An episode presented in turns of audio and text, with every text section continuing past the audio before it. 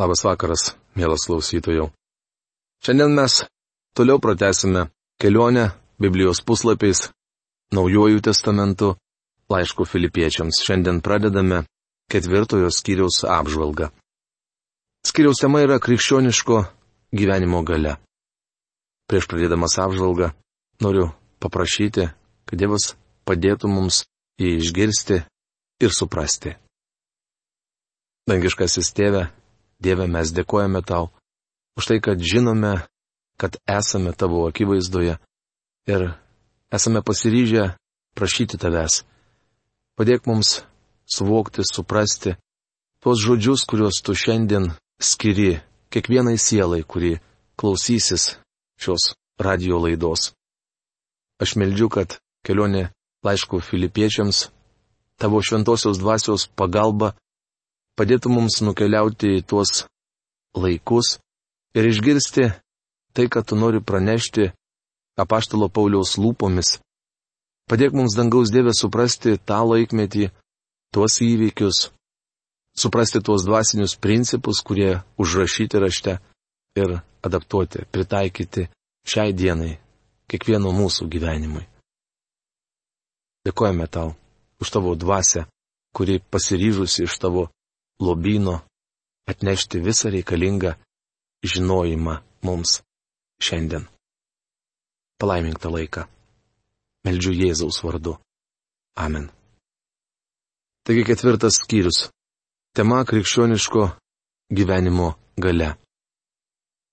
Skaitydami apaštalo Pauliaus laišką filipiečiams jau aptarėme krikščioniško gyvenimo filosofiją, pavyzdį ir apdovanojimą.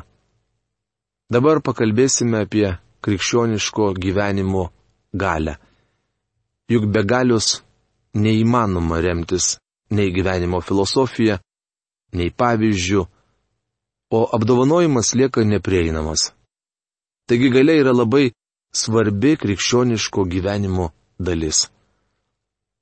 Manau, Dievo dvasia neleido Pauliui baigti šio laiško trečios skyriaus pirmą eilutę, kai jis rašė, o šiaip jau mano broliai, nes norėjo, kad mes žinotume, kur semtis krikščioniško gyvenimo galios.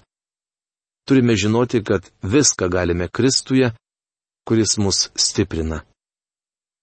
Šiame laiško filipiečiams skyriuje apaštalas rašo, kad galios šaltinis yra džiaugsmas, jos paslaptis yra malda, o mąstymas apie Kristų yra galybės šventovė.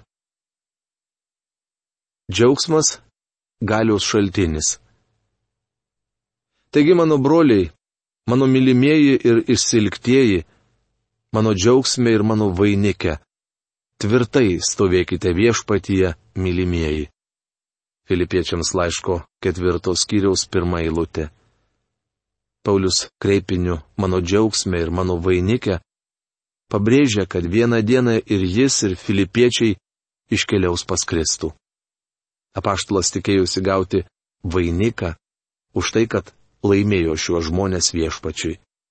Be to filipiečiai buvo jo džiaugsma žemėje.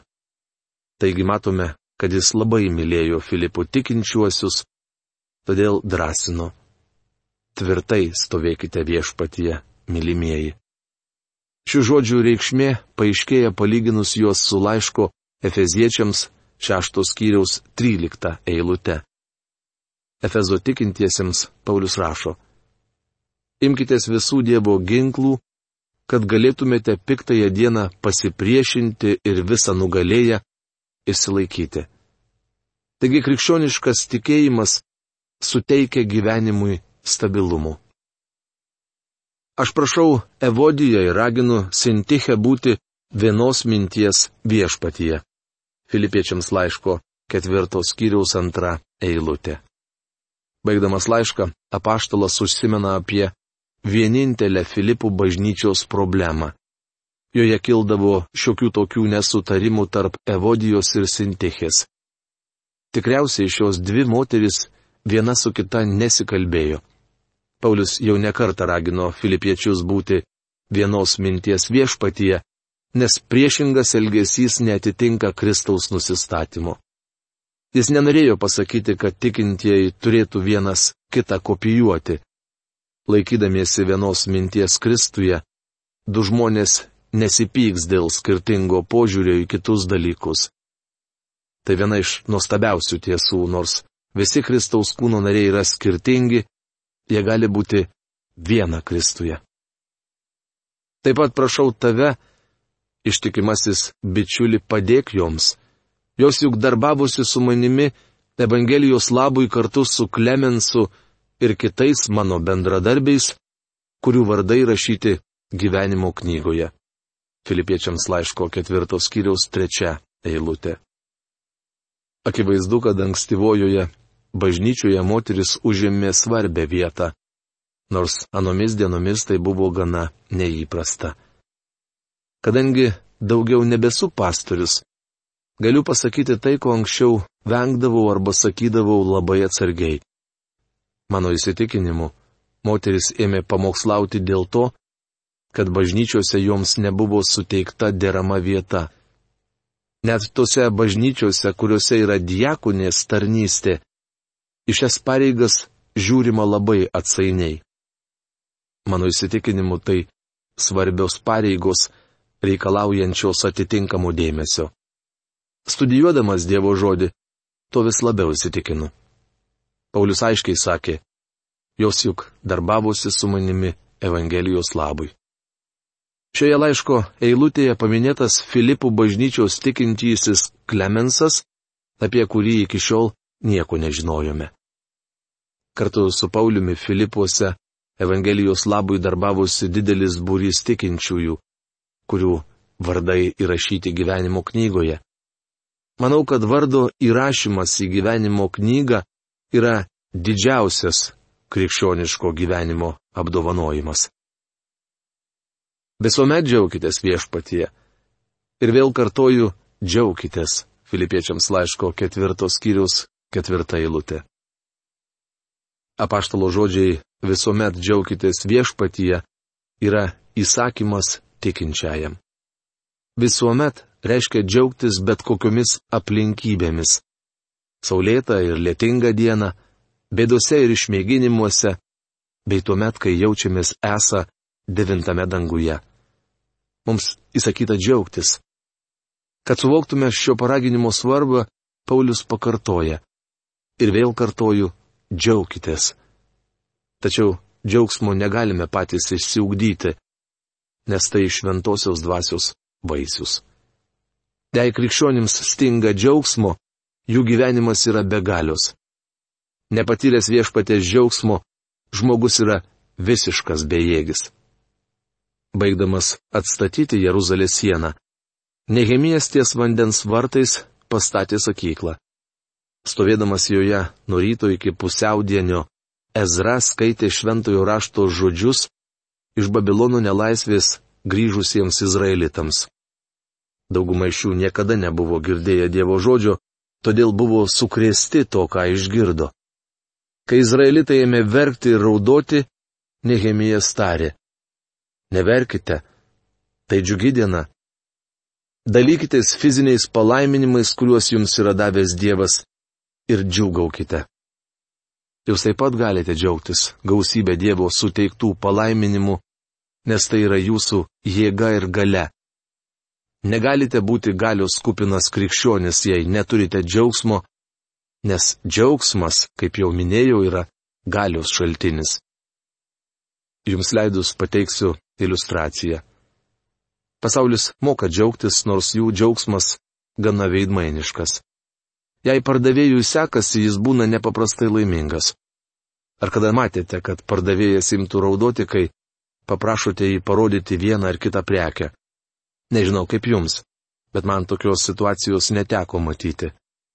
Kiekvienas pardavėjas ima šipsotis ir kalbėti, kokia nuostabi jūsų pasirinkta prekė.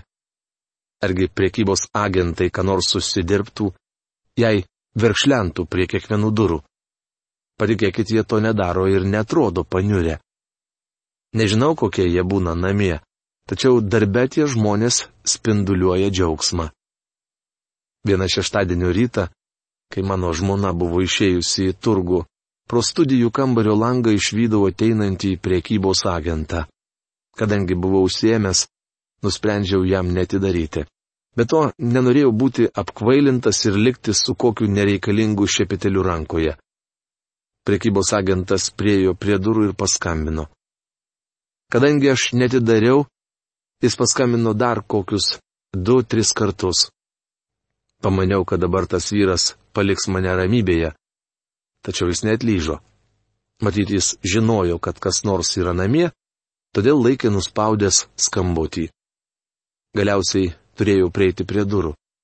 Atdaręs jas tikėjausi priekybininko veide pamatyti susierzinimą. Tačiau vyrukas švitėjo kaip visada ir buvo visko patenkintas. Buvau džiaugsmingai pasveikintas. Daktarė Magi, nesitikėjau šiandien jūsų išvysti. Rūščiai pažvelgiau jam į akis ir pasakiau, mano žmona išėjo į turgų, užėjkite kitą kartą. Tačiau tai jo net baidė. Nežinau, kaip tai atsitiko, bet po dešimties sekundžių agentas jau buvo mano svetainėje, o aš rankose laikiau mažą šepetėlį. Nebegalėjau to vyro išprašyti, nes jis man padovanojo šepetėlį. Taigi stovėjau ir klausiausi reklaminės kalbos. Kai jis baigė, pasakiau, kad nepirksiu šepetėlių, nes man jų nereikia. Paaiškinau, kad tokius daiktus paprastai perka mano žmona ir pasiūliau užeiti kitą kartą. Dar pridūriau, kad neturiu laiko jų apžiūrinėti, nes esu užsiemęs. Tuomet prekybos agentas padėkojo man ir nuėjo, švilpaudamas. Galima pamanyti, kad aš nupirkau visus šepetėlius. Sykį kalbėjau su žmogumi ruošiančiu priekybos agentus ir žinoma, papasakojau šį įvykį. Mano pašnekovas paaiškino, jog tie žmonės mokomi spinduliuoti džiaugsmą. Nežinau, ar tas priekybos agentas buvo laimingas ar ne, bet Dievo vaiko gyvenimas turėtų būti kupinas tikro džiaugsmo, viešpaties džiaugsmo. Pasauliečiai trokšta patirti džiaugsmą ir už tai moka didžiulius pinigus. Papasakoja kelias juokingas istorijas, komedijantai tampa milijonieriais. Kodėl?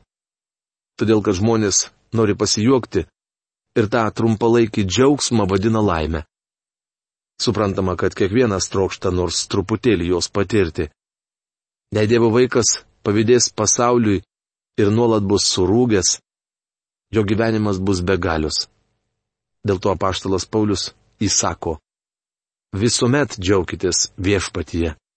Ir vėl kartoju, džiaukitės. Pasaulis džiaugsmas tengiasi susikurti savais būdais. Jie tai vadina tariama laiminga valanda arba nuotaikos pataisimų valanda.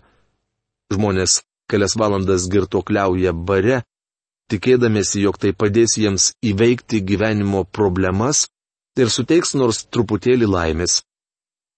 Stebėjau į barą besirankančius vyrus ir galiu pasakyti, jog nei vienas iš jų netrodė laimingas. Deja, palikdami barą, Po tariamos laimingos valandos jie atrodė dar labiau apgailėtini. Daugelis žmonių tokiu būdu bando pasislėpti nuo gyvenimo problemų. Manau, bažnyčiose reikėtų renkti nuotaikos pataisimo valandą. Tarkim ateina ponia Jonaitinė. Ji per savaitę prisiklausė tiek įdomių paskalų, kad negali sulaukti, kada galės paskleisti jas visoje bažnyčioje. Argi nebūtų puiku pasikviesti ją į jaukų kambarėlį išgerti kavos, maloniai pašnekėti ir draugę pasidžiaugti viešpačiu? Manau, kad jai greitai praeitų noras skleisti paskalas. Tokios nuotaikos pataisimo valandėlės labai praverstų ir diekonams, nes jie taip pat kartais gali būti nepatenkinti. Būtų šaunu nusivesti juos į tą patį kambarėlį ir padėti atlyšti, kad galėtų ramiai klausytis pamokslo. Taigi bažnyčioje turėtume renkti nuotaikos pataisimo arba laimingą valandą. Tiesą pasakius, velnės jau ir čia prikišo savo nagus. Įsitikino žmonės, jog bažnyčioje negali būti linksma, tačiau mano įsitikinimu gali. Manau, bažnyčia turėtų būti vieta, kur žmogus patiria džiaugsmą ir Dievo galybę. Kartais galybės valanda vadinami maldos susirinkimai, tačiau mums reikia grįžti prie galios šaltinio. Jis, kaip jau minėjau, yra džiaugsmas. Susirinkę melstis, prieš išsakydami Dievui kitas savo reikmes, prašykime, kad jis suteiktų mūsų gyvenimui džiaugsmo. Vaikiškoje gesmelėje apie velnio klastas yra žodžiai. Tad leiski saulė išviest, su ilgesiu ją kviesk. Lengviau gyvent linksmam, o niurzgliams sunku išties. Šiame priegesmėje glūdi teologinė žinia. Velnes stengiasi atimti iš mūsų džiaugsmą, nes jis galio šaltinis. Malda - galios paslaptis. Jūsų meilumas te būna žinomos visiems. Viešpats yra arti. Filipiečiams laiško ketvirtos kiriaus penktą eilutę. Matthew Arnoldas šią eilutę verčia taip. Jūsų švelnus nuosaikumas te būna žinomas visiems. Man tai patinka, nes turime būti nuosaikus tikintieji, o ne kokie fanatikai. Žinoma, gerai turėti gilius įsitikinimus, tačiau nedėrėtų fanatiškai peštis dėl mengniekių. Skelbkime Kristų, nes tai svarbiausia. Dar kartą pakartosiu paštalo žodžius. Jūsų švelnus nuosaikumas te būna žinomas visiems. Viešpats yra arti. Paulius tikėjo, kad viešpats Jėzus gali sugrįžti bet kurią akimirką, todėl rašė. Viešpats yra arti. Vadinasi, jis nesitikėjo sulaukti didžiojo suspaudimo. Nieku per daug nesirūpinkite, bet visuose reikaluose malda ir prašymu su padėka. Jūsų troškimai tesidaro žinomi Dievui. Filipiečiams laiško ketvirtos kiriaus šešta eilutė. Paulius, rašydamas nieku per daug nesirūpinkite, žaidžia dviem graikų kalbos nežymimaisiais įvardžiais. Jie į lietuvių kalbą verčiami žodžiais nieku ir visuose reikaluose. Norėčiau pacituoti, kaip šią eilutę išverčiau aš. Nieko nesirūpinkite, dėl visko melskitės. Malda yra galios paslaptis. Jau kalbėjome, kad Paulius įsakė filipiečiams visuomet džiaugtis, nes džiaugsmas yra galios šaltinis. Šeštoje šio laiško eilutėje užrašytas antrasis jo įsakymas. Nieku per daug nesirūpinkite. Rašydamas šį įsakymą Paulius pasirinko labai įdomų žodį nieku. Lietuvių kalboje šis žodis turi dvi reikšmės. Pirmoji - joks, žmogus ar daiktas. Antroji - menkas, prastas daiktas, nesvarbus dalykas menkniekis. Taigi apaštalas sako, kad nieku nesirūpintume. Ar tai reiškia, kad turime žiūrėti į gyvenimą pro rožinius akinius? Nekreipdami dėmesio į realybę? Gal turime sakyti, kad neegzistuoja nuodėmė, lygos ir problemos? Ar turime visą tai ignoruoti? Ne. Paulius sako mums dėl visko melstis ir todėl nieku nesirūpinti. Žodis niekas atsiriboja nuo visko. Prisipažinsiu, jog aš kartais sulaužau įsakymą nieku nesirūpinkite. Tačiau galime nieko nesirūpinti, jei dėl visko melžiamės. Tai reiškia, kad turime kalbėti su savo viešpačiu apie viską be išimties. Pasakojama, jog sykį Filadelfijoje prie daktaro Kembalo Morgano priejo tituluoto asmens našlė ir paklausė. Daktarė Morganai, ar manote, kad turėtume melstis dėl mažų dalykų? Daktaras Morganas atsakė, kaip tikras anglas. Pone, o ar jūs galite paminėti dalyką, kuris Dievui atrodytų didelis? Ką mes turime omenyje sakydami, kad pavedame Dievui savo didžiasias problemas? Visi tie rūpėšiai jam nedidesni už smeiltį. Maža to, viešpats nori, kad pavestume jam ir tas problemas, kurios mums atrodo nereikšmingos. Turime įprasti maldoje viską pavesti viešpačiui. Kai važiuoju kur nors automobiliu ir žinau, kad kelionė truks keletą valandų, pasiūlau viešpačiu Jėzui važiuoti su manimi. Tuomet kalbuosi su juo apie viską, pasakoju tai, ko nesakyčiau jums ar kam nors kitam, išlėjau jam savo širdį.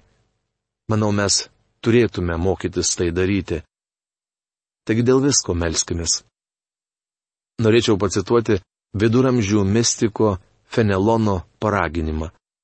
Tad šie žodžiai paaiškins, ką turėjo omenyje Paulius sakydamas, dėl visko melskitės. Kai brangiam draugui išsakyk Dievui viską, kas yra tavo širdyje. Nusimesk naštą, atverdamas jam savo džiaugsmus ir skausmus. Papasakok savo bėdas, kad jis galėtų tave paguosti. Pasidalink džiaugsmais, kad jis galėtų juos nuskaidrinti. Išsakyk savo troškimus, kad jis galėtų juos apvalyti. Papasakok ir apie nemėgstamus dalykus, kad jis galėtų padėti tau juos nugalėti. Kalbėk jam apie pagundimus, kad jis galėtų tave nuo jų apsaugoti. Atverk savo širdies žaizdas, kad jis galėtų jas pagydyti atskleisk savo abejingumą gėriui, iškreiptą požiūrį į piktą, savo nepastovumą. Papasakok jam, jog dėl savimeilės dažnai nebūni teisingas kitų atžvilgių, kad tuštybė gundo tave būti nenuoširdžiu, kad didybė skatina užsisklęsti nuo savęs ir kitų. Jei tokiu būdu liesite visas savo nedorybės, poreikius, bėdas, niekada nepritrūksite žodžių. Ši tema neišsemiama, nuolat atsinaujinanti. Žmonės neturintys ko slėpti vieni nuo kitų, nevengia jokių temų. Jie nesveria žodžių, nes neturi ko nutilėti. Taip pat nesistengia būtinai ką nors pasakyti. Jie kalba iš širdies gelmių tai, ką galvoja. Palaiminti, turintys tokį artimą, ir atvirą ryšį su Dievu. Jau daugelį metų nešiojusi šios žodžius savo Biblijoje, retkarčiais išsimdamas juos ir perskaitydamas. Šį vakarą, juos palikdamas jums, noriu užbaigti mūsų laidą. Iki greito susitikimo. Sudė.